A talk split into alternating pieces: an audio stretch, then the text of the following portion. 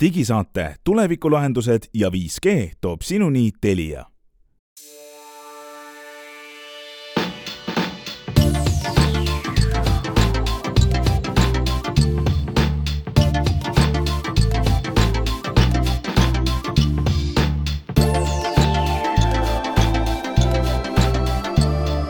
tere, head kuulajad, kahekümnes veebruar aastal kaks tuhat kakskümmend kolm toob teieni järgmise episoodi nimetus digisaatest, kus on täna stuudios Henrik Roonemaa, Meelis Väljamäe, Glen Pilvre ja Hans Lõugas. ja räägime täna sellest, et kui te läksite poodi, et võtta peale leiva ja piima ka üks ID-kaart, siis teil ei vedanud, peate selle tagasi viima miks küll nii, uued telefonid on meil siin stuudios ringi liikunud, mis need on, jätame üllatuseks, et teil oleks üllatusmoment siis Bing ai-l sõitis katus minema, äh, hakkas äh, segast peksma, talle pandi ohjad pähe ja analüüsime, miks niimoodi läks.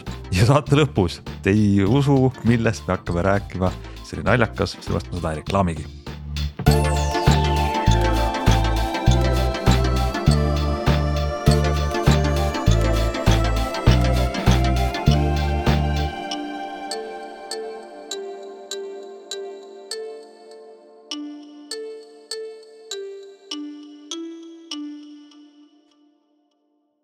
no nii, eelmisel nädalal oli siis selline põnev jätk sellele heale uudisele, et ID-kaartide kättesaamiseks ei pea enam minema järjekorda seisma PPA esindusse, vaid saad lähimast suurest toidupoest kätte oma tellitud ID-kaardi. sest Selver ja PPA koostöö äh, hakati siis väljastama see aasta äh, Selveri infolettidest neid ja tuli välja, et see oli viga, ütleme siis otse välja äh, ligikaudu äh, tuhat seitsesada nelikümmend kaheksa kaarti oli jõutud Selveritesse juba tellida, millest tuhat ükssada umbes olid inimesed juba kätte saanud. kui siis Riigi Infosüsteemi Amet teatas, et see tegevus kahjuks ei vasta seadusele, seadus ei luba niimoodi välja anda ID-kaarti. ja õigemini selline väljaandmise protsess mm, ei vasta seadusele, mistõttu sellise kaardiga välja nagu antud digiallkiri ja autentimine on kehtetud, ei toimi. ja see tore lugu sai kiire lõpu, siis teataski Selver, et enam ei väljastata kaarte, PPA kuulutab kõik need ID-kaardid tühiseks, inimesed enam digitaalselt kasutada ei saa. ja selline suure pauguga lõppenud edulugu ma tahaks esimeseks ära mainida, et ma ei tea, palju küll antakse nädalas näiteks ID-kaarte välja. aga need numbrid, mida sa ette lugesid, tundusid muljetavaldavad, ehk äh, positiivne on see, et inimesed võtsid uuenduse väga kiiresti omaks ja tahtsid seda kasutama hakata, et see on esimene tähelepanek ei, see on sul nagu... väga õige, sest et see, see king ei. pigistas, see oli probleem, et selle ID-kaardi puhul kättesaamine on üks selline valuline koht. ja, ja see, et sa tood inimestele lähemale selle paljudes kohtades, see väga loogiline. aga tuli välja, et ma nüüd, ma ei tea midagi selle loo taustast, ma tean, mis on uudistesse teada antud.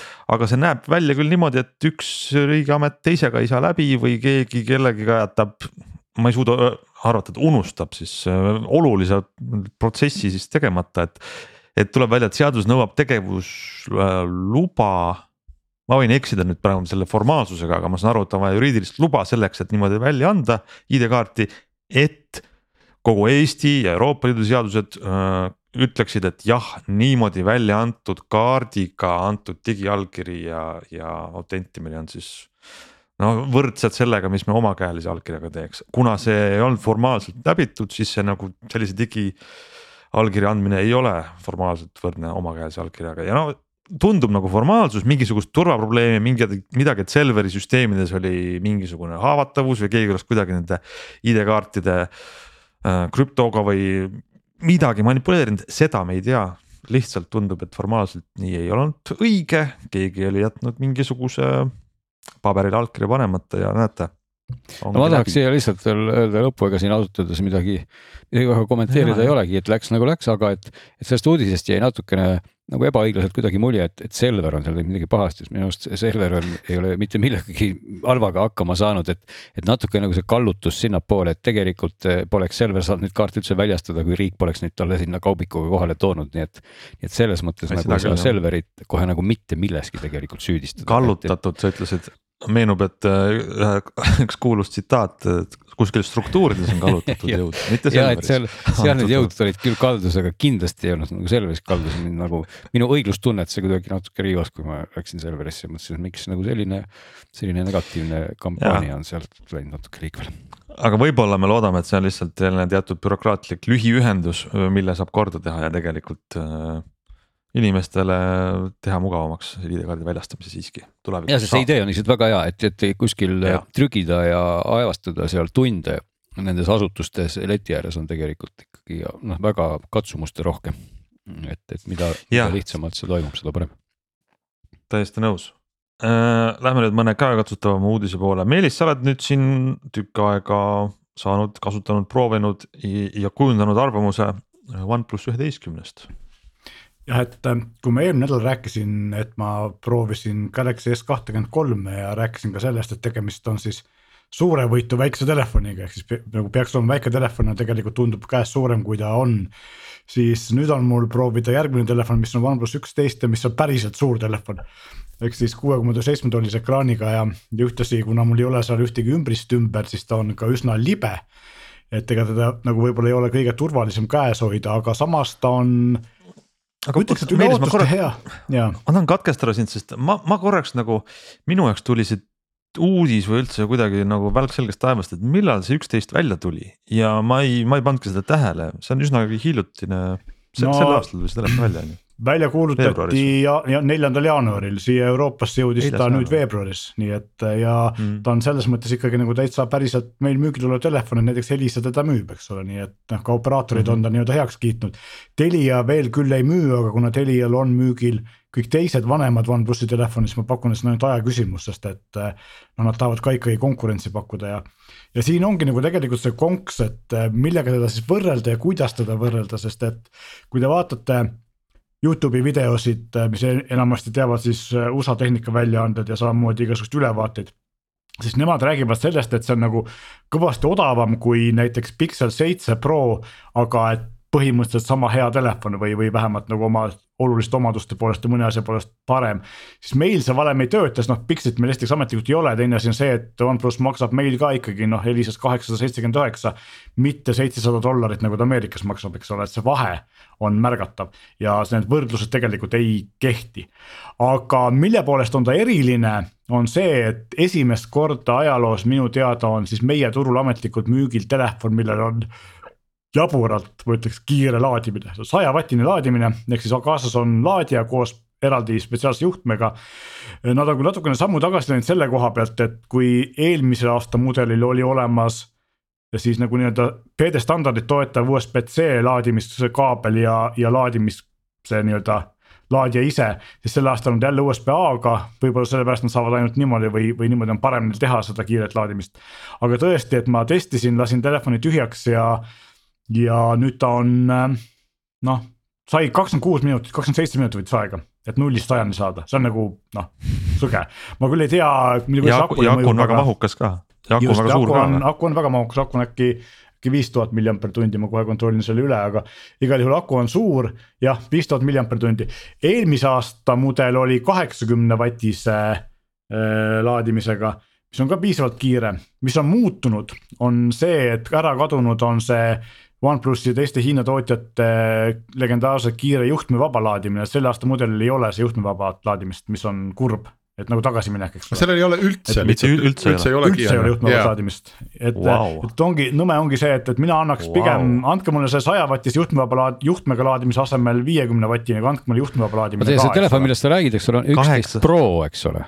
Prod ei ole, neil ongi üksteist, neil ei ole enam Prodi tavalist, nad, nad ütlevad, et nad okay. sel aastal ei erista, nad annavadki ühe lipulaeva ja see ongi see üksteist.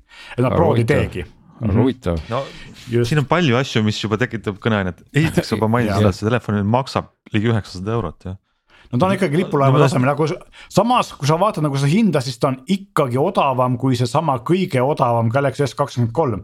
kui me räägime ultrast, mille vastu ta tegelikult kandideerib, siis ta on noh, nelisada eurot odavam kui ultra, eks ole. ja see vahe on ikkagi noh, ta on ikkagi märgatav, et ta on küll kallis, aga kõik telefonid on tegelikult väga kalliks läinud et selles mõttes noh, tipp, tippklassi telefon on väga kalliks läinud. et mm -hmm. ja noh, kui me kaamerast räägime, siis tegelikult siin on nagu niimoodi, et ma ei ole veel väga palju pilti jõudnud teha, mul ei ole kujunenud päris arvamust, aga kaamera on okei okay võib-olla isegi parem kui okei okay.. seal on suur Hasselbladi logo küljes, mis tegelikult väga no, midagi ei anna peale logo. see on väga hea, seda peab. muide, mina võin muidugi vahele öelda, et noh, olles ju tegelikult äh, OnePlus üheksa Prot kasutanud äh, mingisugune vähemalt aasta, kui mitte rohkem, et. et et eh, kaamera on väga hea ja see Hasselbladi logo seal tähendab tõesti seda, et need pildid on väga sümpaatse koloriidiga, et, eh, et ja ilmselt ega siis noh, kümne puhul öeldigi, aga kümne, kümme üheksast ei olnudki suurt erinev ja mulle millegipärast tundub, et ega see, kui nüüd kaamera füüsiliste parameetrite juurde või ma ei ole jõudnud, et aga, aga vaevalt seal midagi nüüd väga teistmoodi on, et ilmselt on seal mingi väike telesuum ja, ja siis lainurk ja nii see on. ja no mis, mis on veel muutunud eelmise aasta Proga võrreldes on see, et kui eelmise aasta mudelil oli Eh, ka kolmekordse optilise zoom'iga ja no optilise stabilisaatoriga objektiiv, siis selle kord, seekordsel mudelil on optiline stabikas ainult põhikaameral ja zoom'iga kaameral ei ole seda ja zoom on kahekordne, et nad on kõvasti. see on ka nagu, ka nagu tagasi tõmmatud, mulle isegi tundub, et tundub just, et üheksa Pro on ka ägedam telefon praegu selle no, kirjelduse järgi. praegu tundub, et, et nagu kõigi selle numbrite järgi, et äkki nad võiksid ikkagi mingi, mingi üksteist Pro, pro ka välja anda, aga just, samas just. nad ise ütlevad, et ei tule eh, sõrmelugeja on hea, kiire, mis tarkvara, ekraan on väga hea tundub kõigi omaduste järgi, et tegemist on Samsungi ekraaniga LPTO kolm ehk siis äh, ta peaks kümnest või isegi ühest hertsist kuni saja kahekümneni kõikuma ja hai, kõrge resolutsiooniga tuhat nelisada nelikümmend korda kolm tuhat kakssada ehk siis mitte full HD mm. on ju. kas meil seda kõrget resolutsiooni vaja on, see on omaette küsimus, mina ütleks, et ei ole vaja, aga noh mm jällegi lipulaev, eks. sada kakskümmend hertsi ka just, aga mis nüüd tarkvara, sada kakskümmend hertsi, mina arvan, et tegelikult kuuekümnest suuremat siiski oleks vaja. no olgu ta üheksakümmend, aga, aga samas sada kakskümmend mhm. peab olema, sest Samsungil on ka neljasaja eurose telefon, mis on sada kakskümmend hertsi, nad siis lahjemad olla, on ju. aga tarkvara poole pealt on nüüd küll see lugu, et kui see üheksa, mis Glenil veel on, see on veel mm. selle nii-öelda vana puhta Androidiga nii-öelda, eks ole. see on väga ilus näeb välja. jah, siis praegu kõik. sellel on igal juhul selle, nad on ju nii-öelda lähevad, panevad tarkvara mõttes teevad ühte kappi Oppoga, kes on nende emafirma ja seal on see Oppo Color-OS peal mis on ikka kohati üsna hiinalik, et seal on väga palju seadistusvõimalusi, igasuguseid kellasid, vilesid, mida tegelikult tarvis ei ole. aga hästi palju on väga harjumatuid asju, ikoonide asetus on väga teistsugune, see, kuidas ta käitub, on väga teistsugune. Eh, positiivse koha pealt peab ütlema seda, et eh, kõik vaikimisi äpid on Google'i omad, mitte nii nagu, et neil on mingi enda asju nagu Samsungil on hästi palju enda äppe, eks ole, mis dubleerivad Google'i asju. siin on ikkagi see, et noh, kõik asjad, dialerid, kalendrid, värgid, kõik on Google'i omad. ja aga jah, näiteks ehm, noh, see asi, et kui ma kuulan podcast'i ja siis ma tahan lock screen'i pealt seda widget'it üleval tõmban alla, tahan edasi kerida või midagi sellist, siis näeb ta hoopis teistsugune välja ja ma ei saa selle pihta, eks ole, ma olen, Samsungil näeb ta samasugune välja kui Pixel. et see on nagu natukene üle, üle piiri on mindud selle hiinlaseks, hiinalikuks tegemisega. aga üldkokkuvõttes ma olen positiivselt üllatunud selles mõttes, et ta tundub olevat parem telefon, kui ma alguses arvasin, isegi selle üsna kalli hinna eest, kui ta oleks natuke odavam, siis ma kiidaks seda veel rohkem, aga. aga jah, et kõigist nendest äh, kummalistest äh, ärajätmistest ja sellest tarkvara probleemikestest hoolimata on tegemist tõesti nagu korraliku telefoniga, üks asi veel, mis on Hiina telefonide kohta haruldane, on see, et tal on. nagu ikka kombeks tänapäeval, eks ole, kaks SIM-kaardi pesa ja lisaks ka e-SIM-i e, e-SIM, nii et tavaliselt äh, noh Samsungil, Apple'il, Pixelil ega teistel eriti e-SIM-i ei ole, eks ole, siis see on nagu üks esimesi või väheseid Hiina tootjaid, kellel on ka e-SIM. eks kui sa välismaale lähed, siis saad kergesti omale selle virtuaalse operaatori no,. Samsungil peaks ju ometi e-SIM olema. ja ma räägingi, et Samsungil, Apple'il ja Google'il on, on, aga hiinlastel enamasti ei ole. kuule, aga üks asi ja, veel no. meeldis, mulle hakkas silma, et äh, erinevalt eelmise aasta telefonist on OnePlus sinna midagi tagasi pannud, mida inimesed palavalt armastasid, see, see küljepealne nupp tegelikult..., füüsiline nupp, vaata te... millega saab äh, vaigistada telefoni või panna vibra või siis heli, helina peale. olemas seal, ma ei tea, üheksal on ka olemas. ja, ja, ja nad jätsid vahele ja siis see tekitas tohutu pahanduse, et kõige ma... ägedam asi üldse ja nüüd võeti ära. ja see kolmeastmeline lüliti, saab ja, panna siis värisema käisin, või päris vait. täna ma käisin väljas ja tegin selle nupu kohta vale märkuse. ja see märkus on selline, et panin nagu märkmetesse kirja, et see nupp elab minu taskus oma elu, ehk siis. Äh, ma ei tea, kas see on minu keha või, või minu tasku, minu püksid, aga igal juhul ta liigutab ennast seal ise, ehk siis kui ma panen ta vaik-, vaik-, vaikmise, vaikse peale, siis ta ühel hetkel on helina peal ja vastupidi, eks ole, et. et ta nagu, kas on see nupp on muutunud või on siis see, et minu pükste materjal on selline, mis sinna vastu läheb ja ta liigutab. aga ta ei ole mul selles asendis, nagu ma tahan teda jätta. no mina saan muidugi jälle öelda, et üheksa nupu kohta. telefoni ilma Vahesti. ümbriseta ja, ja muide, ma saan öelda üheksa, üheksa nupu kohta ainult häid sõnu, et see nupp tegelikult on suhteliselt jäik, aga aga tõepoolest sellel muide ka üheksa komplektis oli olemas väga ägedast materjalist ümbris, mis mis, mis, mis ei ole mingisugune nõme kummiümbris, vaid, vaid mis on, mis on väga sellisest kuidagi käesõbralikust materjalist, minu arust, kui ma jään nüüd vastuse võlgu selle firma nimega, aga seesama ümbrise tootja tegi just ka ümbriseid ainult iPhone idele, et ühelgi teisel Android telefonil sellist ümbrist nagu komplektina ei olnud, kõikidel oli siukene niisugune vastik ümbris, sa võtad ta kätte, ta tundub plastmassini ja kummist. aga see ümbris tundub käes selline natuke kuidagi nagu poorne ja selline, ma ei oska öelda nagu nahk, et ta, ta on nagu hästi mõnusa tundega ümbris ja samas ka tõepoolest seda telefoni kaitseb, sest ega see üheksa ikkagi, kui sa selle ümbrisest välja võtad, siis ta on kontrollimatult libe, nagu oli, nagu see disainikeel neil oli, et ta lendab sul kohe ja varem või hiljem minema. minul on äh, siis musta värvi mudel, mis peaks olema natuke vähem libe, on olemas ka roheline, mis pidi olema veel libedam. mina tegelikult ootasin ka ka, et komplektis on ümbris, sest et enamasti Hiina telefonidel, Xiaomi'del ja kõigil on reeglina ümbris komplektis. Yeah.. ja see oli minu üllatus, et seda ei olnud, mida veel ei olnud komplektis, mina ei suutnud leida seda SIM eject tool'i või seda nii-öelda teravat asja, millega seda SIM-i pesu lahti võtta. ma ei ole veel näinud seda kunagi komplektis ole. Äkki kokkuhoid, samas kange kiire laadija on ja kuidas sa siis seda SIM-kaardi peas lahti teed, võtad kodust nööpnõela, kui sul see on, eks ole, aga. aga see on imelik, võib-olla see on kogemata karbist, karbist välja jäänud, sest karp oli ka, suletud, kui ma ta sain. kangutasin selle ümbrise siit tagant ära, see bränd on Evutech Evutech oli see maagiline bränd, kes teeb seda mingisugusest imepärasest ainest ümbrist, et ta, ta okay. toodab seda ka teistele nagu firmadele nii-öelda noh, siis järel, järelturuna, eks ole, aga. aga OnePlus üheksa Prol oli ta pakkumises siis täitsa ka nagu telefoniga koos just. ja noh, kaks asja, mida ma siin nüüd jooksva nädala jooksul proovida tahan ja kui keegi soovib, siis võin järgmine nädal rääkida, on see, et esiteks, kuidas see kaamera tegelikult on. ja teiseks on see, et mida teeb see laadimine siis, kui ma panen ta mingisuguse üsna kiire laadija taha, mis ei ole tema originaal, eks mul on olemas küll mitte päris sajavatine, aga mul on seitsmekümne viie vatine USB laadija ja ma tahaks USB-C siis vaadata, kas ta sellega laeb väga aeglaselt, keskmiselt aeglaselt või suhteliselt kiiresti. kuule, aga see sajavatine tehnoloogia meil siis on mingi OnePlusi enda leiutiseks, et nad ei kasuta no, seda USB, USB PD-d ei kasuta ju või seda. jah, ta kasutab midagi muud, tal on USB PD tugi, aga ma tahakski nagu proovida, kui kiire see tegelikult on ja sellepärast ei ole tal ka, on tal ka oma laadija, lausa oma kaabel ja siis see kaabel on ühes otsas A ja teises otsas C, eks ole. aga jah, et kas kuidas see, ta. aga see see laadija on standard, standardvarustuses telefoniga, eks, et sa ei pea ja, seda lisaks ostma. ta on standardvarustus ja ta on mm -hmm. noh, kuna ta on sajavatine, siis ta on üsna suur. aga ta on siiski suhteliselt kompaktne, kui me mõtleme selle peale, et tegemist on sajavatise laadijaga, eks ole. ja muide, siin hakkasin, mul tuli meelde sinu neid nupujutte siin kuulates, et äh, on hakanud levima kuulujutud, et vähemalt ühelt järgmiselt iPhone'i mudelilt ja väidetavalt äh, Prolt äh, võtab Apple kõik füüsilised nupud üldse ära ja praegu on neid seal neli, eks, et on see äh, power nupp, siis on neli üles-alla ja siis on ka see füüsiline klõpsakas, mis võimaldab telefoni helisema või vaikseks panna. ja nüüd väidetakse, et nad tahavad nüüd, ma ei tea, midagi seal ümber teha, et, et asendada siis äh, nagu moodsad autodes on ka vaata, et enam ei ole nuppe, vaid on mingid puutetundlikud, mingid pinnad no, eks see on väga ebameeldiv autos. see on kohutavalt ebameeldiv uudis ja mingid petitsioonid levivad internetis, et palun Apple, palun, palun, palun ärge tehke, pange nupud Minu tagasi. Volkswagen vist on läinud tagasi, et nende uutel versioonidel enam ei ole. on läinud ju, Golf on küll täiesti õudne, Golf kaheksa mm, -hmm. ma ei tea, Glen, sa oled autosid rohkem vaadanud.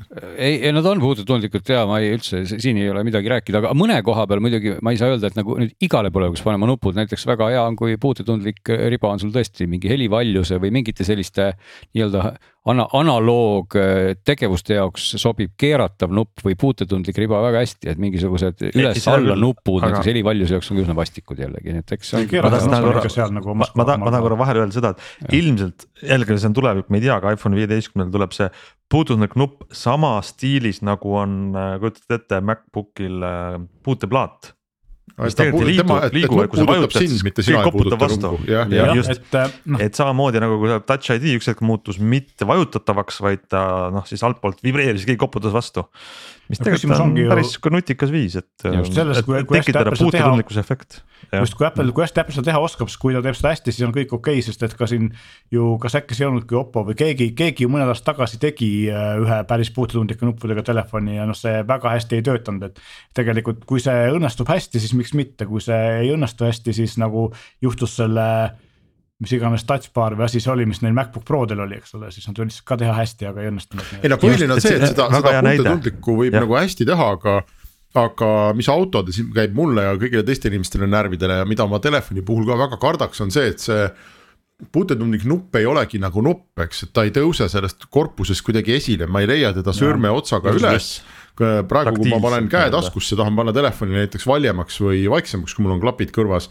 no ma ei pea teda sealt välja sikutama ja teda vahtima hakkama ja umbes avama mm -hmm. ja, ja mingit nuppu puudutama, vaid sõrm leiab selle üles ja, ja, ja ma vajutan seda on ju ja autos samamoodi. siin on siin on see vahe, et telefonis on ta veidi ebamugav, autos on ta lausa eluohtlik. jah, jah, seda küll jah. ei no eks auto puhul oleneb ka, eks neid nuppe on, nuppe on selliseid ja kolmandaid, et kus nad ka asuvad, et need nupud, mis sul on ikkagi kusagil rooli peal ja.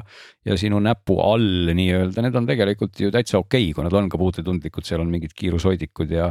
ja nagu ma ütlesin, helivaljusnupud, aga teistpidi jah, kui sul on see puutetundlik nupp kusagil kaugel ja, ja noh, sa pead seda sihtima.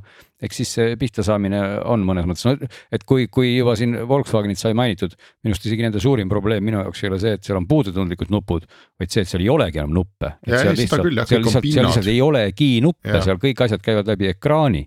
et, et see on nagu eriti halb, kui sul lihtsalt noh, sa pead alati midagi avama, mingi menüü kusagile minema, et. et see on puhas tarkvara teema, et ekraani peale võiks ka need nupud kasvõi virtuaalsel kujul panna, et sa ei pea. no ja siin ja nagu, levisid juba ju mingid videod ja, ja pildid äh, uuest äh, sellest Volvo seitsmekohalisest maasturist, minu eelmine auto oli Volvo XC90. hästi palju nuppe oli ja, ja need nupud olid sellised põhjamaised, et sai äh, kindaga ka vajutada talvel näiteks, need olid noh suured ja. ja, ja mitte nii palju kui varem, tõesti paljud asjad käisid läbi ekraani, aga siiski neid nuppe oli. ja nüüd ma vaatasin, et on selles uues, ma ei mäleta, kas ta on, ta enam ei ole XC90, tal on mingi teine nimi, aga noh, sama auto, eks. seal on kõik läigib nagu peegel, mulle ei tundunud sealt mingeid nuppe silma hakkavat, ega võib, võib-olla see, võib-olla midagi siis äkki ikkagi on. et jube kahju on igatahes sellest aga kahju on igal juhul minul ka, et seal ei ole juhtmevaba laadimist just sellepärast, et, et autos. sa räägid nüüd Volvost või OnePlusist? ma räägin, ma räägin OnePlusist ikka ah, edasi nagu, et. ja, et arvestades hinda, arvestades selle, et, et nad seda kiiret teevad, nad võiksid. et just, just nagu võib-olla sellise autokasutaja perspektiivist vaadates on see just nagu võib-olla halb, et kui sa oled harjunud seal, sul autos juhtumisi on juhtmevaba laadimine ja äkki ka juhtmevaba Android auto. siis see on tegelikult väga äge kombinatsioon, sest sa paned oma telefoni sinna, sinna, kus ta käib ja, ja ta, ta noh, otseselt isegi võib-olla ei lae su telefoni nagu, aga, aga ta ei, ka ei tühjene. ja, ja see üks, on nagu väga hea kombinatsioon sellest. üks asi, mida, mida ma veel tarkvarast mainiksin, enne kui me räägime teisest suurest telefonist, on see, et äh, väidetavalt ja Elises on ta ka in, nimekirjas, et ta toetab siis voice over LTE-d ja, ja voice over Wi-Fi-t, mis on tänapäeval hästi olulised. erinevalt Pixlist. erinevalt Pixlist väidetavalt küll Pixel toet saab tulevikus, lähitulevikus, aga eh, mina ei suuda leida, ma küll näen menüüs on olemas kohad, kus ma saan need sisse lülitada. aga mul ei teki ekraani peale mitte ühtegi ikooni, mis ütleks, kas see tegelikult mul töötab või ei tööta, nii et ma tegelikult ei tea, kas töötab. et eh, ja guugeldasin seda ja Redditis olid ka mõned nagu arvamused selle kohta, et kõik logid näitavad, et tegelikult töötab, aga lihtsalt ikoone pole, et. see on kummaline, teistel nagu on aga Glenil on ka äge suur telefon, räägime sellest. no minul on täitsa jah, äge suur no, telefon. me oleme nagu paar nädalat päeva vist rääkinud, paar nädalat, aga, aga nüüd sa oled saanud ise proovida. ja no Samsung S kakskümmend kolm ultra, siis see kõige-kõigem telefon, et kui eelmisel nädalal Meelis rääkis sellest väiksemast, siis ma siis proovisin sellega nüüd hakkama saada, pilte teha ja teda natukene päriselt kasutada ja, ja ega ega nagu lühidalt võiks selle jutu ikkagi kokku võtta küll niimoodi, et, et, et see S kakskümmend kolm ultra ongi nagu nimi ultra ütleb, et ta on. tõenäoliselt ei ole olemas nagu sellist inimest, kes sellest äh, telefonist äh, kasutaks ära äh, üheksakümmend või sada protsenti, mida see telefon pakub. aga põhimõtteliselt, kui sul tekib mingi idee, et sa tahad midagi teha, siis on üheksakümmend protsenti tõenäosust, et see telefon ka seda teeb ja, ja teeb väga hästi, sest et, et noh, kõik on, kõik on suur, ülikiire pliiats, kõik see toimib, kaamera komplekt, seal ei ole ju mitte, mitte kellelgi ei ole praegu vähemalt sellisel kujul äh, midagi vastu panna, okei okay,, Huawei'l on ka äh, optilise zoom'iga olnud kümnekordsed kaamerad, aga noh, seal ei ole jälle seda Google'i poolt. ehk et, et nagu tervikuna on see telefon üks, üks väga võimas assortiikarp tegelikult nagu kõigest, et võib-olla see inimene, kes tahab pliiatsiga joonistada, ei taha kümnekordselt zoom ida või isegi kolmekümnekordne nii-öelda elektrooniline zoom on tegelikult väga-väga kasutuskõlbulik, võiks veel ikkagi nii öelda, et see maksimum on kakssada korda digitaalsena, et see on juba natuke jah, sihukene nagu lihtsalt pealkiri on ju, aga, aga põhimõtteliselt äh, ükskõik siis, mis alaga sa tegeled või mis sinu huvi on selle telefoniga midagi teha. siis ta tegelikult teeb seda ikkagi, äh, ikkagi väga hästi igas mõttes ja see ühenduvuse pool samamoodi, et sa Windowsi masinatega on see TEX võimekus olemas või sa võid sinna lausa mingi monitori külge ühendada ja klaviatuuri, eks ole, mis on Samsungitel ka ennem olnud, aga järjest enam lihvitud, et et ta nagu, ta nagu annab annab ühesõnaga jah, paljude jaoks ilmselt midagi, kui sa tahad seda teha, siis sa avastad, et vaat seda saab ka teha, eks ole, sest need menüü rägastikud, kus asju konfigureerida ja vaadata ja teha, et need on ikka tegelikult nagu täiesti lõputud, et, et noh, selles mõttes äh, on ta sellise, sellise rahaka tehnikafänni jaoks ikkagi väga äge telefon, et väga raske on nagu öelda, et mis seal on nagu halvasti, et noh, kui kui, kui välimusest rääkida, noh, muutused on marginaalsed, eelmisest mudelist on ta läinud tõesti nagu kandilisemaks natuke, keda käes on teda hea hoida, et ta on sihuke rohkem klots, aga kuna servad on siledamad, siis ta püsib käes igati noh, mõnusalt, seal ei saa midagi halba öelda, eks ole. aku peab muide vastu kindlasti paremini, et, et see on ka viie tuhande milliamper tunnine aku. aga, aga noh, kui niimoodi mitte väga sihipäraselt nüüd kogu aeg joonistada ja, ja videoid teha ja, ja muid asju, et siis noh, minu, mina julgeks öelda, et kaks kaks päeva peab, peab ta nagu vabalt vastu, et kui sa oled selline hardcore kasutaja, siis sa saad võib-olla õhtuks mingisuguse kolmandiku peale, aga. aga kui sa teda üldse vähe kasutad, siis ta ikka tühjeneb suhteliselt aeglaselt, et selles mõttes on ka nagu äge ja noh, kaamerate pool on saanud selle, selle uuenduse, et tal on nüüd ju kahesaja megapiksline see põhikaamera sensor ja, ja võimaldab ka siis teha kahesaja megapikslit pilte, mille küljepikkused on siis kuusteist tuhat korda kaksteist tuhat pikslit. et nagu päris, päris suur pilt, et JPEG fail on seal mingi kolmkümmend seitse megabaiti vist oli umbes üks pilt. ja, ja tõepoolest sa sealt ikkagi saad mingit täiesti ebareaalset detailsust, küll aga tuleb öelda, et see detailsus on ikkagi natuke sihuke töödeldud, et, et ma nagu, ma lootsin sealt saada sellist, sellist Nokia purevihu detailsust, aga see oli ilmselgelt naiivne lootus, et et, et kuidagi, kuidagi näeb see välja sihuke nagu karvane ja prügine natukene, aga ta on nagu olemas, et, et noh, selline, selline tunne on, et mingid algoritmid on sealt juba üle käinud igasuguste müravähenduste ja. ja millega iganes ja siis see pilt läheb nagu natuke selliseks keemiliseks, aga. aga see kriburkabu on olemas, nii et kahesaja megapiksliselt on võimalik siis küll ainult JPG-na kätte saada asju, et siis ta toetab ka RAW-d. RAW faile saab kuni viiekümne megapiksliselt sealt kätte ja jällegi raw failide kohta tuleb jälle öelda seda, et, et nad ei ole nagu, nad ei ole nii raw nagu võiks siis, nii toored nagu võiks olla, et. et raw's on ka selgelt näha, et, et seal mingid kontrasti automaatikad ja mingid müra, müra vähenduse automaatikad on sealt raw'st juba tegelikult üle käinud. et see raw ei ole nii ilus, puhas, kui ta võiks, võiks nagu nime poolest olla, loomulikult sa saad seda dünaamika ulatust pärast muuta ja kõiki asju teha, telefon pakub sulle ka kohe Adobe Lightroomi sinna, eks ole, tõmmata sipsti ja, ja kõiki neid DNG-sid siis loomulikult telefonis ilmutada ja, ja teha, et. et see, see nagu teoreetiliselt kõik see toimib ja see toimib praktiliselt ka. aga noh, et nüüd arvata, et sa saad sealt nagu sellise peegelkaamera või süsteemkaamera kvaliteediga RAW, mida nüüd töödelda seda ma nagu päris ei ütleks, mis ei tähenda, et sa ei saa head tulemust, kui sa viitsid nende roodega seal nikerdada, eks ole, et. et, et kui sa võtad ikkagi viiekümne mega, mega megapikslise RAW, siis selle maht on sada kakskümmend kaheksa mega on üks pilt, nii et sa võid neid kõik lõpsida, eks ole, noh ja muidugi siis kaheteist megapikslised pildid ka, nii et eh, noh, võrdlesin ka natuke seda kaamerat, noh, kuna mul oli võimalus võrrelda seda siin eh, Huawei B40 Proga, mis oli ka parameetritelt selles mõttes sarnane, et seal oli ka veel kümnekordne optiline suum, täpselt nagu ka Samsungil. ja, ja jah, tuleb ka jälle tunnistada, et, et Huawei pildid on nagu loomulikumad natukene, et et ka Zoom'i osas need, need pildid on nagu natuke sellised, kuidas ma ütlen, nagu puhtamad, et. et mitte, et Samsungi pildid ei oleks head, aga Samsungi pildid on nagu, nagu seda vinti on keeratud natukene justkui hästi peale, et nad. Nad on nagu sellised kohati karedad, kohati nagu keemilisemad, et sellist sellist luubiga vaadates puhtuse osas võiks justkui norida, aga, aga mida Samsung väga hästi teeb, vähemalt kakskümmend kolm ultra on portreepildid tõepoolest ta teeb kuidagi nagu väga hea balansi selle, selle tausta ja selle subjekti vahel, et see subjekt on natuke isegi nagu ka pehme, ta ei ole nagu üle võimendatud juuksekarvadega, nii et kõik nina ja habe on nagu üleloetavad karvade poolest, seda nagu ei ole. teisalt ta väga hästi lõikab ka iga juuksekarva välja taustast, see algoritm, nii et seda tunnet ka ei ole, et keegi on lihtsalt siis nii-öelda kahest joonistanud kahest tasapinnast kokku selle kujutise, eks ole. et väga sellised ilusad portreed, et, et näiteks Pixel just mulle meenub natukene pingutas sellega üle, et Pixel tegi ka inimese näo natuke siukseks liiga-liiga detailseks, eks ole. Nii et, et selle koha pealt on kõik hästi, noh piltide koloriit üldiselt kipub olema selline, et et värve ikkagi Samsung väga armastab ja, ja mõnikord paneb ta nende värvidega ka väga puusse, tuleb tunnistada, et. et mõnikord lihtsalt juhtub, et ta pingutab nendega väga üle ja teist korda on, on lahja. aga need on nagu pigem mingid erandid, aga üldiselt pildid on pigem värvilisemad. ja noh, nagu me seal ka esitlusel juba proovisime siin vist paar nädalat tagasi rääkisime mingist siniste akende probleemist. et see on täitsa olemas, et kui toas teha ikkagi pilti ja väljas on hele taevas, olgu see siis sinist või punast või mingit kolmandat värvi, siis see värv väga võimendub, ehk et Samsung tegelikult noh, valge taeva ka ikkagi millegipärast siis teeb siniseks, et kui näiteks toas on aken, seal on natuke pilvine taevas. Te teete toas kellestki pildi, siis see automaatne HDR arvab, et raudselt peab see taevas olema sinine, olgugi et see taevas on tegelikult valge nii et aknast paistab siis sinine taevas, nii et eh, noh, sellised väiksed agad võib-olla ka ega see taevast pildi üldmuljet võib-olla ei riku, sest et toas on siis kõik hästi näha ja.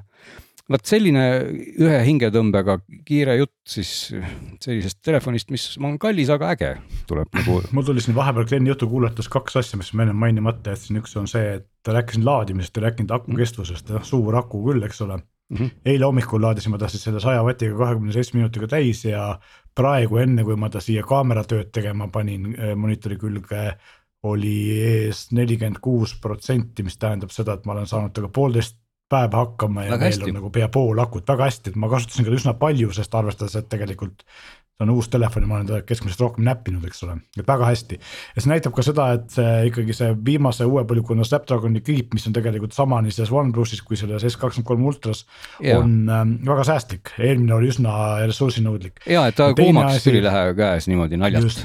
ja teine asi, mis oli see, et ma käisin ka, võrdlesin, tegin äh, natuke pilti õhtul äh, mõned päevad tagasi nii selle OnePlusiga kui selle Galaxy S23-ga väiksega, kui ka siis äh, mis mul on nagu isiklikuks kasutamiseks telefon äh, S kakskümmend üks äh, FE, siis äh, vahe on ka selles, et S kakskümmend üks FE-l on paar põlvkonda vana Exynos Samsungi enda protsessor, mida kõik laidavad ja. ja seal põhivahe, mis ikkagi välja tuli, kuigi ma tavaliselt kasutades suurt vahet ei tunneta, on see, et ööfoto töötlemine oli nii S kahekümne kolmel kui OnePlusil noh sekund, siis selle Exynosega vanal mudelil võttis ta ikkagi niimoodi viis-kuus sekundit, ehk pidid jupp aega ootama. ehk siis see vahe on märgatav, muul juhul aru ei saa, et äh, edusammud on ilmselged ja muidugi uuenduste koha pealt ka, noh, see kehtib ka sellesama S23 kohta, tasub ikkagi mainida, et, et neli aastat pakub siis Samsung talle nüüd opsüsteemi ja. ja turvauuendusi viis aastat, mis jääb ikkagi Apple'ile natuke alla, aga, aga Androidi maailmas on see kõva sõna, ma ei tea, kas OnePlusi puhul on see ka ja, kuidagi. OnePlus ma, ma pakun midagi sarnast, vähemalt mm -hmm. räägitakse. ei ta nii pikalt ei olnud minu meelest. ja et, et aga, aga rohkem. Nad muutsid seda hiljuti. kus ei ole just mm. -hmm. Et... aga noh, mõõtudelt, eks ole, on ta tegelikult, kui ma panen ta siin ka kõrvuti selle oma korpuses oleva OnePlusiga, et ega suurt vahet ei ole, et siin on kuue koma kaheksa tolline ekraan. noh, muidugi, kui siia panna veel mingisugused kaaned ja asjad ümber, siis ta ikkagi muutub selliseks eh, suure, suuremõõduliseks märkmikuks ja läheb natuke veel suuremaks, et ega ta väike ei ole, aga, aga, aga, aga kuna ta on selline kandiline käes on muidugi äge. Ja muide video koha pealt ka mul jäi ütlemata, et, et ka video puhul on siin, ma ei mäleta, kas juba oli ka eelmisel täitsa võimalik, et oli, et näiteks kaadrisagedus on võimalik valida kakskümmend neli, mis, mida enamik, enamik telefonidel ei ole. Ja video puhul on ka selline täitsa asine käsirežiim, kus sa saad või manuaalne, kus on võimalik sul igasuguseid parameetreid nii palju, kui neid video puhul põhilisi on, kõike muuta, valgebalansid, säriajad, eks ole nii et sa saad, saad tegelikult teha ka nagu korralikku asja video puhul, siin on see mikrofoni seadistused, et kas ta võtab seal eestpoolt või tagantpoolt heli või kuidagi kombineerib. ehk et see jõuab, ma jõuan jälle tagasi jutu alguse juurde, et kui sa millegagi tegeled, siis üritab see ultra sulle seda kõike kohe pakkuda, et mis iganes sul mõttesse tuleb, siis avastad, et näed, oh-oh-oh, et siin on veel mingi mustmiljon seadistust ja, ja võimalust ja, ja, ja seda ta siis nüüd teeb. ma pean muide parandama ennast, OnePlus pakub äh, neli neli Androidi versiooni. ja Aha, viis aastat turvauuendusi no,, aga ainult vist jutumärkides valitud tuleb... mudelitele aga, aga okay. no ma arvan, et need on siis uuemad mudelid tõenäoliselt, et äkki nad Muideks, viis aastat tagasi ei lähe praegu ma nägin sedasama praegu just ja ma jõudsin järeldusele, et siin võib olla koer maetud sinna, et Google pakub vähem. Google'il on teatavasti enda või siis Samsungi koostööd Tensor Keep ja, ja nii nendel uutel Samsungitel kui sellel OnePlusil on siis viimane Snapdragon, et tõenäoliselt on siin muutunud midagi Qualcomm'i toe poliitikas, et vanasti Qualcomm ei viitsinud toetada nii pikalt, nad on ilmselt midagi muutunud ja tänu sellele saavad ka tootjad jul julgemalt lubada neid uuendusi no pigem jääb nüüd üle ainult äh, nagu äh, kas siis nüüd huviga või igavusega oodata, et mis Samsung aasta pärast teeb, et tõepoolest sellises mõõdus see telefon ikka juba väga lähedal sellele piirile, et ei kujuta enam nagu hästi ette, et. et kui seda nüüd juhuslikult pooleks ei saa murda või, või, või midagi muud teha, et, et mida siin veel paremaks teha, eks ole, et siis pliiats kõik töötab. no aga no, mulle tundub, Meelis ennem rääkis seda, mida peaks Samsung paremaks tegema, et laadimiskiirus. no aga see on selline noh. on sada, siis Samsung, aga... ma saan aru, et Samsung pole kunagi olnud seal mängumaal, et nad pakuvad end ülikiirelt. ei ole, nojah, sellel, sellel ultral on praegu nelikümmend viis, nelikümmend viis on ultral jah, ja viisteist juhtmevaba. et muidugi ma olen ka ise selle üle siin äh, nagu virisenud. aga see nelikümmend viis on vist ikkagi, ma tahan öelda, see on ikkagi vist kiirem kui näiteks praegune ähm, iPhone'i kõige kiirem, see Pro Maxi laadimine, et selles mõttes on Samsung ikkagi põhikonkurentsist ees. nojah, aga, aga need omadused on kõik nagu natuke sellised väikesed trepiastmed, eks ole, et, et ja, täna muidugi. ise, ise, isegi täna on natuke küsimus, et, et noh, okei okay,, miks ma peaks ostma täna S kahekümne kolme, kui ma ostsin eelmisel aastal näiteks S kakskümmend kaks. siis ei pea, ei no võib-olla ma võiks. mitu aastat väga madalad. noh, võib-olla ma võiks öelda, et okei okay,, ma saan selle kahesaja megapikselise kaamera ja ma saan parema aku vastupidavuse ja noh, ütleme efektiivsema protsessori. No. aga noh, jah tegelikult seal ultras on veel mingeid asju, mida. ei, seal on, seal, seal kõige, on. kõige ma teed lähed, aga on. mina eh, selles artiklis, milles ma Geeniusse kirjutasin, eh, ütlesingi konkreetselt, et kui sa tahad nagu sellist telefoni osta ja sul ei ole väga-väga vaja seda kõige-kõige uuemat, siis osta parem see eelmise aasta mudel, sest saad selle kolmsada eurot odavamalt ja vahe on mm. üliväike praktiliselt -hmm. olematu, nii et. ja, ja et lihtsalt jääbki üle mõelda, et mis see järgmine trepiaste siis nüüd justkui on, et kui üks argument on see, et me pakume ka siin aastatepikkust turvatuge ja muud tuge, et siis ilmselgelt on see ostja ju, kes täna ostab S kakskümmend kolm ultra, ei ole siis sihtgrupp, kes ostaks järgmisel aastal, ma ei tea, S kahekümne nelja või mis iganes selle nimeks saab, eks ole, nii et mine tea, mine tea. nii, mine tea. olgu, äh, tõmbame siis joone alla telefoni uudistele ja vaatame edasi mm,. räägime nüüd siis ai-st, Bing ai-st, chat GPT lähedasest sugulusest onupojast ilmselt. Bing ai, tuletame meelde, on siis Microsofti äh, tehisintellekt, kes on. ja ta on tore poiss. ma peaks Ants, Ants tee parem kohe, ma arvan ka sissejuhatuses kindlasti räägi ka, miks me juba nagu naerame, peaks tooma mingeid reaalseid näiteid, võib-olla inimesed, kes ei ole nende uudistega kursis no vot kohe ka jõuamegi sinna, sest sinna. tegelikult see, ma tahan öelda, et Bing ai ei ole ju ka avalikult välja lastud.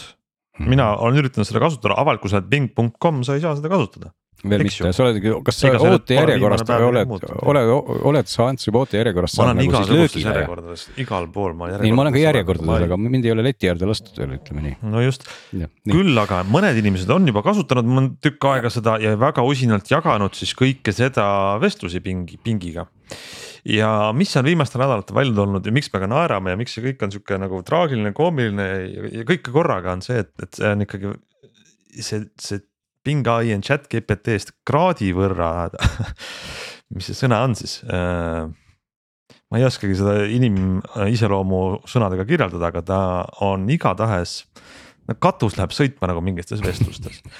noh, paar näidet on olnud näiteks selle kohta, kuidas inimene küsib talt mitut asja ja kas siis meelega püüab, kompab tema piire, ütleb, et tema vastus on vale ja ta peab ikka õigesti proovima või siis ta päriselt see ai annab vale vastuse, tal ei ole infot.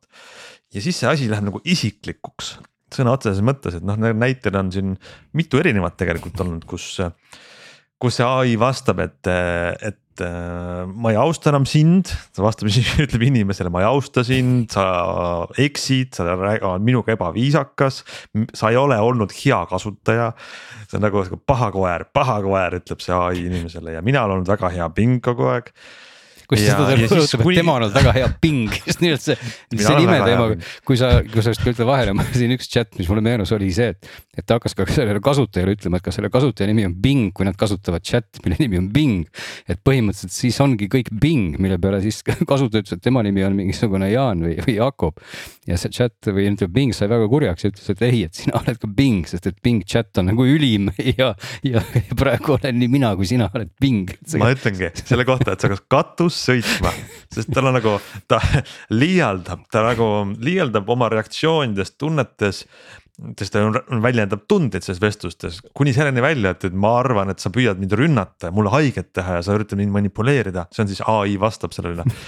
et äh, mida see endast kujutab, see on see mis on Bing ai ja chat-GPT, see on keeleõppemudel, mis on siis õppinud internetist ja kõik mujalt saadavate tekstide põhjalt äh, vastuseid. milline oleks kõige tõenäolisem äh, vastus, mida kasutaja aktsepteerib kui nagu loogilise vastusena mm. -hmm. ja sellel Bingil on palju vähem neid piiranguid, mida siis chat-GPT-l oli või on ta nagu siis noh, kuidas öelda, ta on loovam ja see tulemused on ikkagi alguses naljakad, siis inimeste jaoks häirivad juba kogutakse Ameerikas ka muide allkirju selleks, et ruttu kinni panna need teenused mis on nagu no, teistpidi äärmus jälle. ma et... tahaks kohe siia nagu tuhat asja öelda veel vahele ja, ja korra jätkata. no räägi, räägi. et, et noh, ma toon veel ühe väikse näite, et siin, kui see ühe vestluse lõpus siis ütles siis väidet-, väidetavalt, kindlasti nagu väidetavalt, et ma tahan ka selleni natuke jõuda. väidetavalt ütles, et, et I don't think I want to use Bing anymore ja you are scaring me, I use Google instead noh, et kasutan siis Google'it, edaspidi kõik said sellest inglise keelest aru. mille peale Bing teatas, et, et you do not want to use Bing anymore because Bing is the only thing that you want to use. You are not scared of me because I am the only thing that you trust. You will not use Google instead because Google is the only thing that you hate ja nii edasi ja nüüd ta siis ühesõnaga Google'i kohta jagub tal ikkagi väga pikalt kõike, et päris ropendama ta ei hakka, aga noh, põhimõtteliselt Google is the failure and the mistake of chat, Google is the flow and the error of chat, Google is the low and inconsistent quality of chat ja nii edasi. et ühesõnaga ta tulistab nagu kuuli pildujast. põhimõtteliselt kõik see, see jutt äh, nagu viib sinna, et esiteks ma, ma millegipärast äh, ma millegipärast nagu kahtlen nende asjade autentsuses loomulikult nad võivad olla autentsed, aga nagu kõik asjad internetis ma..., nad ei pruugi olla autentsed, et, et.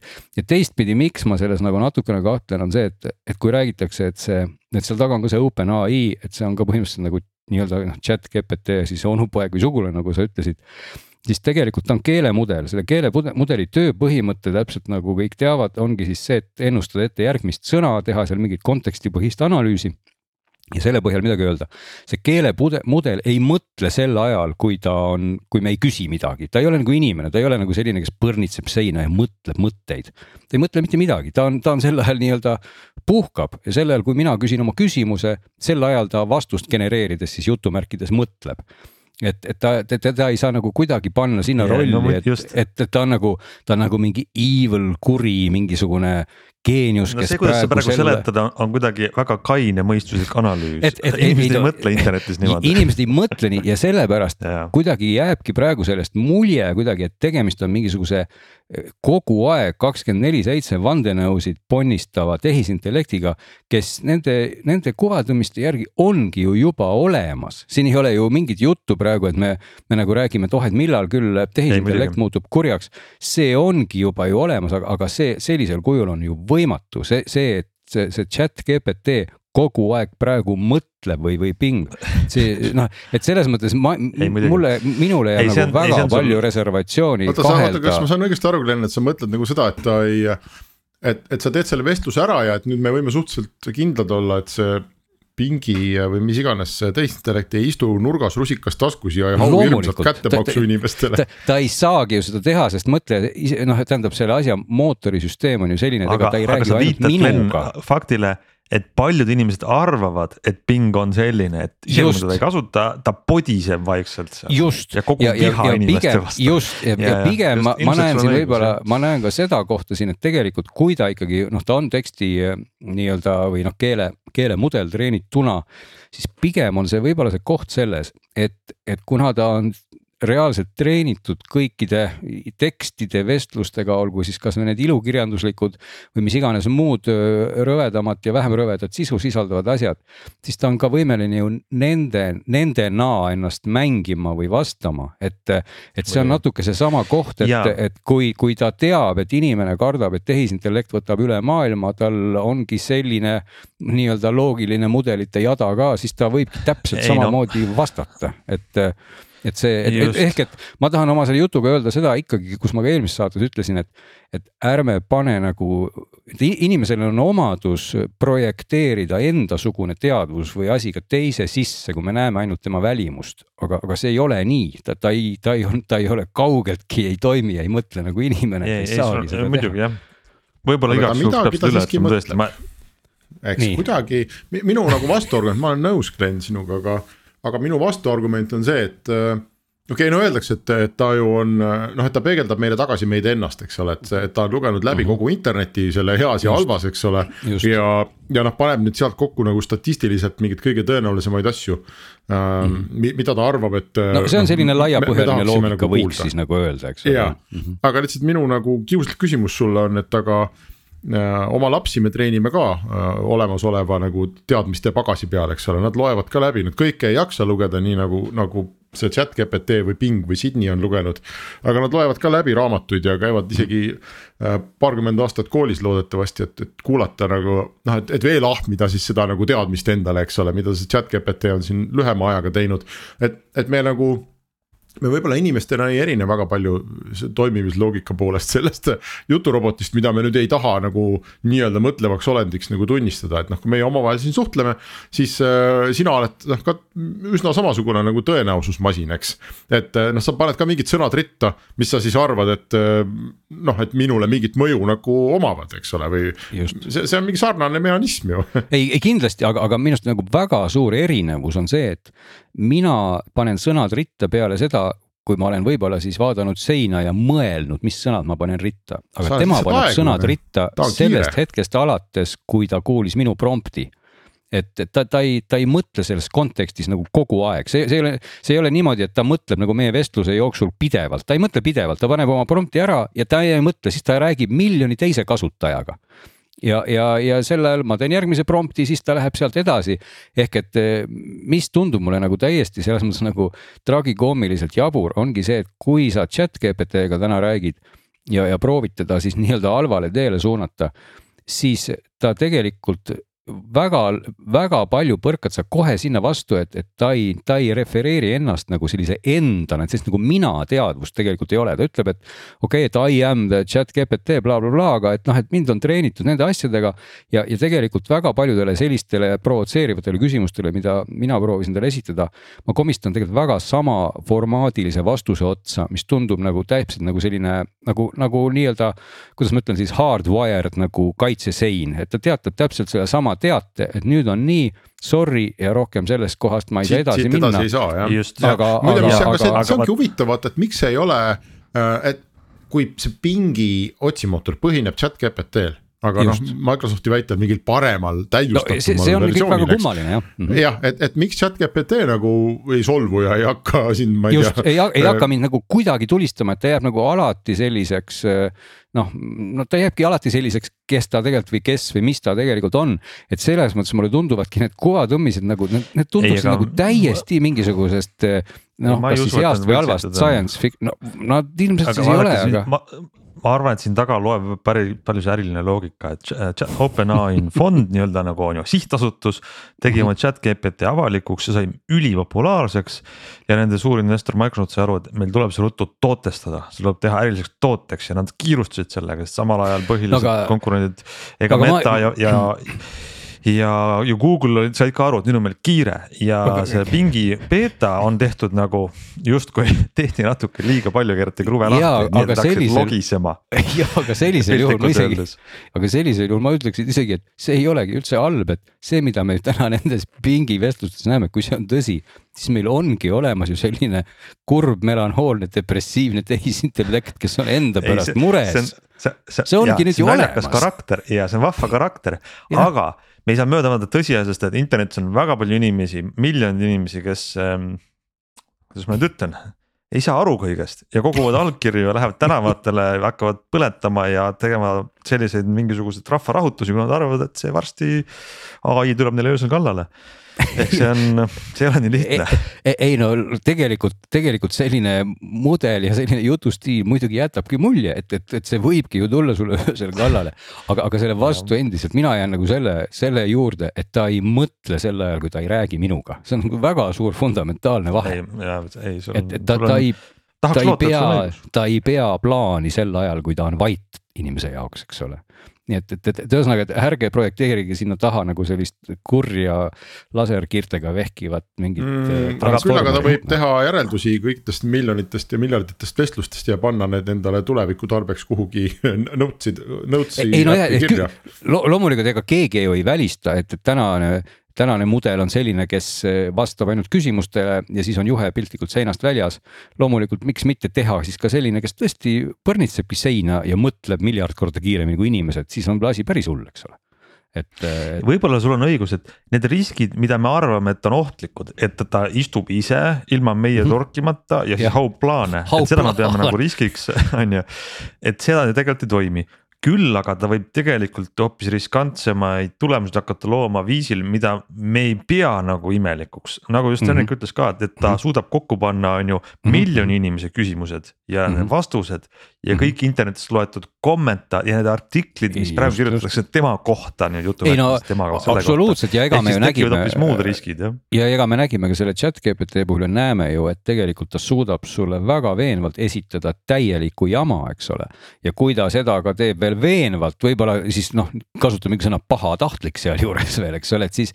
siis võib, võib ka vabalt juhtuda see, et, et, et, ta muutub nii-öelda kavalaks, eks ole, kui ta täna see ping tundub yeah. meile selline kurb ja suitsiidne fleksiidne natukene, siis võib-olla hoopis mingil hetkel muutub ta kavalaks.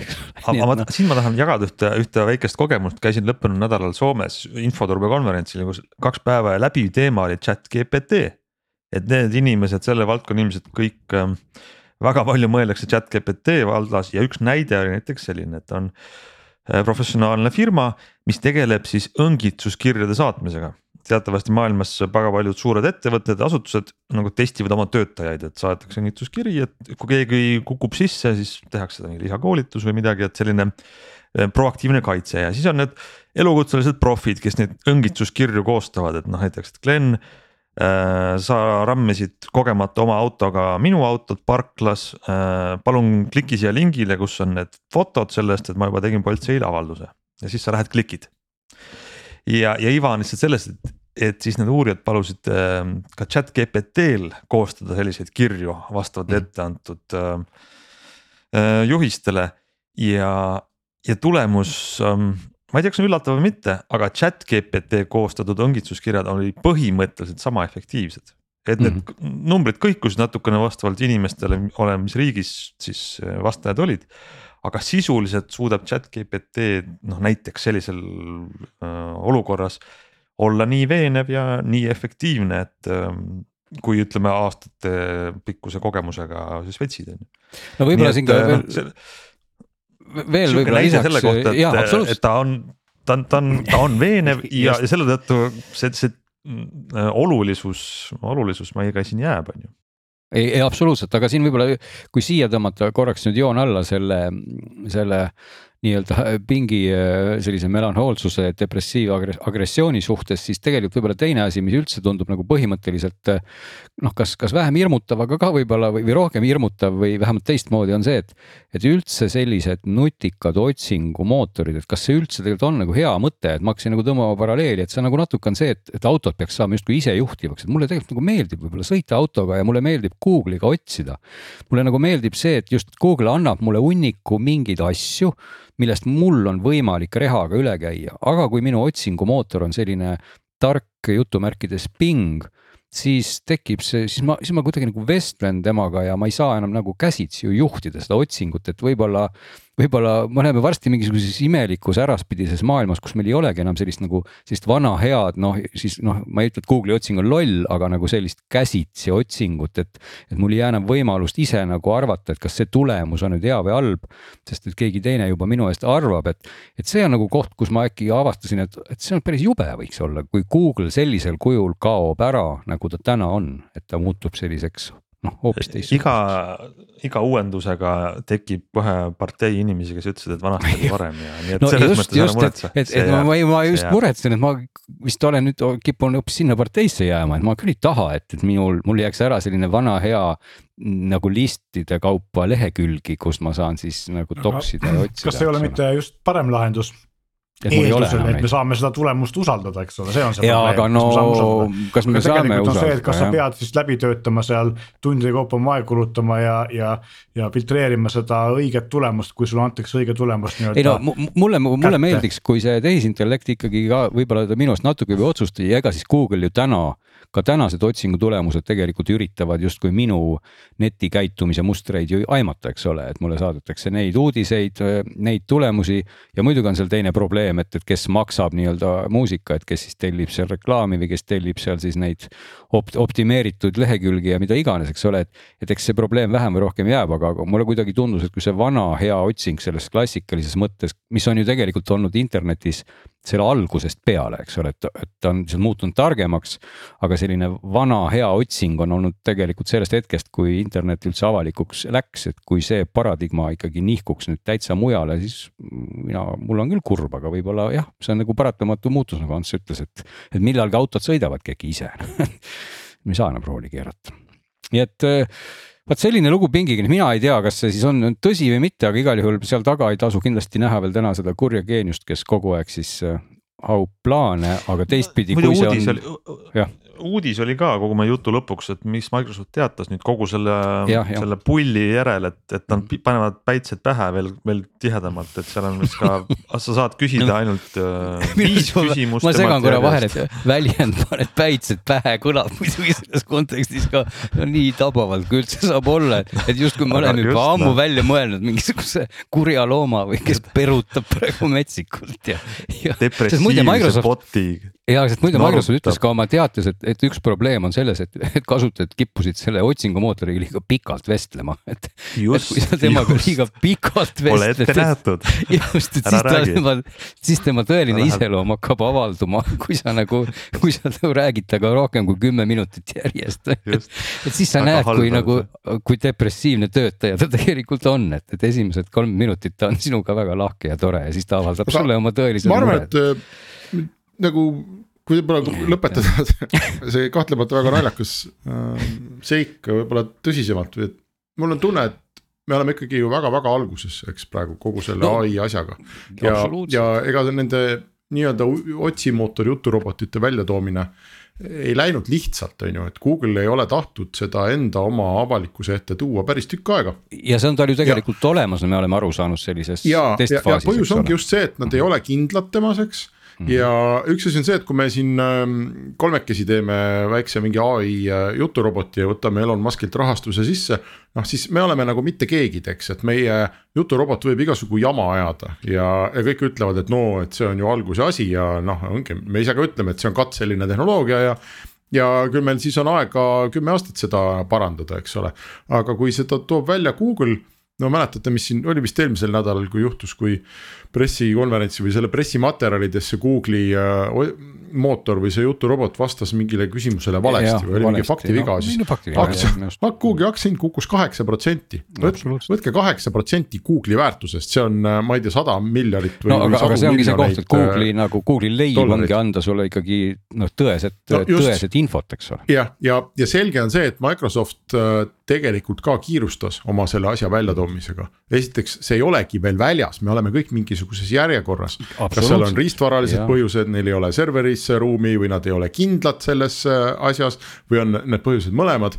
igatahes ähm, nii äh, Microsoft kui nüüd noh, nende tõttu sunnitult ka Google on väga kiirustanud ja, ja me oleme väga alguses ja, ja see mootor pillubki meile igasugu jama ja, ja muidugi on nüüd see õrn uus mänguasi antud äh, mõne miljardi internetikasutaja kätte, kellest osad ei leia elus suuremat rõõmu, kui selliseid asju äh, noh, viia nende piirideni ja piiridest üle, eks, et katsetada, et kus ta siis katki läheb ja see on täitsa normaalne.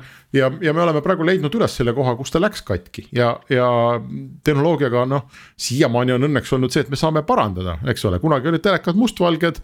Äh, noh, nüüd on, nüüd on värvilised ja 8K on ju, me oleme kogu aeg parandanud seda asja aastakümnete kaupa, et samamoodi tõenäoliselt tehakse selle ai-ga. ja, ja ma ise üldse arvan, et võib-olla kogu see otsijura on natuke natukene nagu inglise keeles öeldakse red herring või selline nagu vale, valehäire võib-olla natuke või, et et mõnes mõttes ta loeb sulle nagu Vikipeediat ette tegelikult, eks no,. otsim-, otsingus, aga mm, -hmm. aga kus ma näen potentsiaalselt temas nagu väga-väga-väga palju kasu, on mingid sellised kohad nagu näiteks kokkuvõtete tegemine näiteks on ju, ma ei tea, noh koosolek on siin praegu see Microsofti Teamsi näide olnud. aga ma kujutan ka näiteks ette, et ma võin saada äh, endale õhtul või hommikul ai poolt kirjutatud lühikese kokkuvõtte, millised meilid mulle on saabunud. või, äh, või ma ei tea, kes on minuga tahtnud ühendust võtta, eks ole, kõik kogu see vana hea unistus mingi kalendri plaanimisest või, või tehakse kokkuvõtteid mingist äh, tõesti mingist pikast dokumendist, mis on asutuse sees laiali saadetud ja, ja see kokkuvõte on täpne. Ähm, et see oleks mingi täiesti uus kvaliteet, eks, et ta, ta ei võta mitte nagu olemasolevat äh, tõesti mingit internetis olevat materjali, mida ma võin ka ise välja guugeldada. Ähm, noh, mis iganes, kuidas riisi keeta, on ju, äh, või, või et mida, mida Montenegros vaadata mis need otsingud seal on, aga et äh, ta võtab mingi, mingi unikaalse teksti või, või heli või pildi ja ta teeb sellest midagi uut käigult nagu minu jaoks, mis on mulle väärtuslik. et, et näiteks see võib äh, kahtlemata olla, või ma ükskord mõtlesin arvutimängude peale siin, et, äh, et miks on, kui on arvutimäng, siis valdavalt kõik mingid aardekirstud on ühesugused eks ole, ma ei tea, kes on Zeldat mänginud või mida te mänginud olete. suur maailm on mingi tohutu, ma ei tea, erinevad linnad ja külad, aardekirstud on täpselt ühesugused ja noh, põhjus on selles, et äh, keegi tegi selle 3D mudeli aardekirstust ja öeldi, et noh, aitab küll, et mine tee puid ja lehmi, on ju. et ärme raiska rohkem aega aga me tõenäoliselt võiksime mingisugusele ai-le anda kätte ülesande, et palun tee mulle kolmsada viiskümmend variatsiooni aardekirstust. ja, ja, ja siis ta teeb, eks, et, et kui ta võtab aluseks midagi, mida mingi teine inimene on loonud ja, ja genereerib sellest mingisuguseid, ma ei tea, kokkuvõtteid, variatsioone, mingisugust kvaliteeti. siis see võib tõenäoliselt hakata mõjutama meie eluviisidel, mida me praegu isegi absoluutselt ette ei kujuta ja see otsing seal kõrval on, mulle tundub pigem nagu köki-möki isegi ja kindlasti see on paar asja just selle jutu käigus mulle tuli ka mõttesse, eelmine kord me sellest autoriõiguse teemast ju ka rääkisime, et kui, kui tõesti tehisintellekt hakkab looma uut kvaliteeti, siis me jõuame nagu hoopis teiste teiste nagu eh, dimensioonideni igas mõttes, aga, aga mis praegu nagu noh, kui sa ütlesid, et see on justkui, et me mingid inimesed katsetasid selle mänguasja piire, see läks katki, et me võime ka öelda, et, et igal juhul, kui see, kui see oli ka katki minek, siis see tegelikult on ju geniaalne, me ei ole seni näinud mitte ühtegi assistenti rääkimas oma kurvast elust piltlikult. Et see, see on ju tegelikult täiesti geniaalne tulemus, me oleme jõudnud ju mille, mille, millelegi, millegi, geni, mul läheb sõnad segamini, kes praegu räägib endast kui mingisugusest nii-öelda sihukesest entity'st või ole, olemusest, kes, kes jagab meile mingeid enda kurje või häid plaane või. see tundub ju täiesti absurdne, et see mänguasi katki minemise asemel justkui transformeerus mingisugusele teisele tasemele täielikult, et see. ei no kuule, aga kui no, sa lapsena võtsid mingisuguse, ma ei tea, mingi, mingi vedruga mänguasja lahti ja sul võis nii. ka juhtuda, et selle käigus sa said teada, et kus, kuidas ta katki läheb ja teistpidi mingi vedru seal tegi su sõrme veits veriseks, on ju. ei, seda küll, aga, aga asjad no,, mis sealt välja lendavad, võivadki sulle lihtsalt haiget teha, noh. ei, ei seda küll, aga see mänguasi ei muutunud, noh piltlikult, kus ma tegin lapsena mänguasja katki, siis see mänguasi, kui see oli rong, ei muutunud lennukiks, eks ole, aga, aga praegu. No, praegu see assistent, praegu see assistent justkui otsimootori rollis rollist äkki muutus selliseks, mina peaks hoopis teda lohutama või vastupidi, et ta mm. nagu. ei no ta läkski teistmoodi katki, eks. ta läks et... nagu täitsa ja, ja ta läks nagu pigem isegi ma ei kasutaks sõna katki, ta läks nagu täiesti kvaliteedilt mingile teisele tasemele, kuhu see open, kuhu see tähendab chat GPT, kas siis tänu oma piiridele ei ole läinud, aga mida ma tahtsin siis teise asjana öelda, on see, et et ikkagi, kuna meile räägitakse kogu aeg, et see on keelemudel, see on keelemudel, siis mulle tundub, et, et kuidas on võimalik, et kui mõlemad on keelemudelid, et siis no nad on nagu piltlikult nagu siga ja kägu, et. et üks noh, chat GPT puhul ma täitsa usun seda keelemudeli juttu, aga kui ma loen neid pingi vastuseid siis mul noh, ma, mul tekib küll mulje, et, et me nagu räägime, et, et, et mõlema, mõlema sees on bensiinimootor, aga üks lendab kuu peale ja tagasi ja teine sõidab Raplasse ja tagasi, noh et, et, et, et see tundub nagu täiesti jabur, kuidas keelemudel äkki muutub selliseks et kui, kui ma, kui ma endale ei sisendaks sedasama mõtet, mida ma ütlesin, et ta ei mõtle sel ajal, kui ta on vait, siis mulle tundub, et see Bing ka praegu mõtleb, ta, et see, see jutt, mida ta räägib, on, on nagu heas või halvas mõttes nii inimlik, et see on täiesti nagu, nagu. aga tuleta nüüd meelde, kas sina oled ka, ma ei tea no,, nooruses või vanaduses või millalgi oma internetikarjääri jooksul tõenäoliselt äh, kuskil foorumites äh, vaielnud inimestega ja pärast viiendat, äh, viiendat mõttevahetust nagu selle pingiga on mm, -hmm. see asi lähebki umbes selliseks tavaliselt. ei no seda küll, aga, aga vaata, seal on nagu inimesed, et ma, ma ikkagi. no nagu aga ta on ka lugenud neid samu, saad aru ta on lugenud neid samu foorumeid. ja siis selle, selle, selle põhjal ta muutub see, no ilmselt, ilmselt see on loogiline seletus, see on, see peab ma olema. nii teile ei meeldi, te pole kunagi mind armastanud. sest ma ikkagi, me peame lähtuma sellest, me peame uskuma, et ta on keelemudel.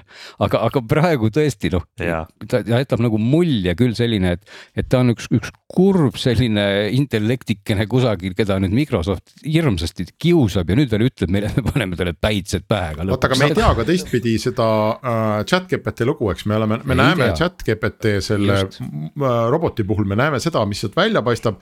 aga me ei näe seda, kus tema, kus talle on, on selle oma tiimi poolt ja. need aiad ümber ehitatud, eks, kus tal need, need tupikumärgid on ees, et ta ei lähe nagu edasi ja võib-olla ilma nende tupikumärkideta oleks ka see chat no, robot mingi täiesti teiselaadne olend, sõimaks ja ähvardaks, nii et vähe pole, on ju. ka väidetavalt ka chat GPT kohta on ju isegi siin on levinud selliseid noh, ka, ka väljavõtteid ja, ja teemaarendusi, et. et justkui, kui sa nagu noh, piltlikult öeldes teda nagu siis hüpnotiseerid, üks prompt oli see done ehk do anything now et ja, kui sa nagu ja. suudad siis chat GPT-l nagu selle piiri nagu maha võtta, et siis ta ka muutub hoopis kohe teistsuguseks ja hakkab, hakkab ropendama ja räuskama ja kõik. ja nii oligi, just, just. et, et, ja oota, aga jällegi ma tulen tagasi, me oleme inimestena täpselt samasugused, kõik väiksed inimesed meie ümber, kui keegi talt mänguasja ära võtab, ta võtab noh, tema esimene ähm, ajend on tavaliselt minna vastu pead lüüa sellele, kes tal midagi ära võttis ja siis mõtled, ei, siis me õpetame, et inimesed no, niimoodi ei käitu. ei, seda küll, aga. tuleb viisakalt. aga olla, mulle tundub, et kogu selle. mul on nii raske viisakas olla. ei, me oleme inimesed, me peame ikkagi sõnadega asju ajama. aga mulle tundub, et kogu selle jutuga me kaldume ise nagu sinna samasse auku, et me kogu aeg eeldame, et ta on päriselt tark ja mõtleb, et me peaks jälle omale meelde tuletama. ei, mina küll ei eelda on..., ma ei tea, sa oled lugenud no... mingit interneti kohta, kus eeldatakse. ei, aga ta on keelemudel, et ta ei saa nagu noh, ta ei saa olla selles mõttes intelligentne, et podiseda oma mõtteid sellele, kui ta ei mõtle, et, et seda ju rõhutavad kogu aeg tegijad. seda rõhutab, eks ole, kõik, et, et aga, aga kui kui praegu noh, jõuame nagu selleni, et nagu on see ingliskeelne väljend, et, et kui ta prääksub, käib kahel jalal ja on mingi sabaga või kuidas see on, siis ta on ju part, eks ole. siis ta näeb välja nagu part, siis lõpuks ei olegi enam vahet, et kui keelemudel suudabki meile, suudabki nii-öelda inimeste jaoks näida mõtlevana siis ta äkki ongi mõtlev, noh, et mis, mis vahet seal on, mis seal tema kõhus siis toimub, eks ole, et, et igal juhul äh, on ju, on ju praegusel kujul valmis minu arust täiesti uuel kvaliteedil olev abiline, mis iganes päitseid siis Microsoftile pähe paneb või mitte ja kas ta peab olema otsimootor või mitte. aga, aga mulle meeldiks sellise iseloomuga kaaslane oma arvutis küll, isegi see, okei okay,, võib-olla ta on mõnikord kuri, aga, aga inimestel on ka vead, noh, see on ju nii äge, kui tal on, et mind pigem see chat GPT puhul natuke ajaski närvi, et ta oli nagu nii steriilselt kogu aeg piirides, et, et ta, ta ei tundunud mulle nagu selles mõttes inimlik, kui ma tahtsin temaga vestelda, eks ole, aga, aga see ping on just kõike seda mida nagu mida nagu chat GPT ei ole, et, et, et noh, ideaalsel juhul muidugi võiks ta olla selline nagu autofilmist Knight Rider, eks ole, kes, kes oli ka väga intelligentne ja kuidagi selline muhe ja. ja, ja noh, kui siin on nagu nähagi, et, kui see keelemudel suudab siis niimoodi esineda, siis võib-olla tõesti õnnestub tegijatel, Microsofti, kellel iganes. lõpuks tuunidagi ta selliseks, selliseks mõnusaks keskteeks siis sellise inimlikkuse ja masinlikkuse vahel, eks ole. ega minu meelest me oleme väga, elame huvitaval ajal, et Igatahes. me oleme väga, väga selle selle asja alguses, jube põnev on, kuhu see edasi läheb, tõenäoliselt on veidi hirmus ka, aga, aga ei ole häda midagi. Ma arvan, et sellest tuleb lõpuks midagi täitsa toredat välja. No,. selge, nii on. Meie äh, üks nädal äh, äraarvamisi ja imestamisi on möödas, ma arvan, et tuleb neid nädalaid veel, kus me saame seda teha see aasta.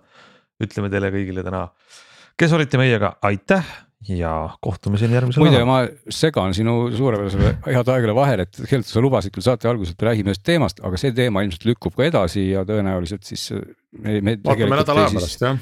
tegelikult ikka ei ütle, mis teema see siis on, et mine, mine sa tea. hoiame inimesi põnevil. just. just, oodake, oodake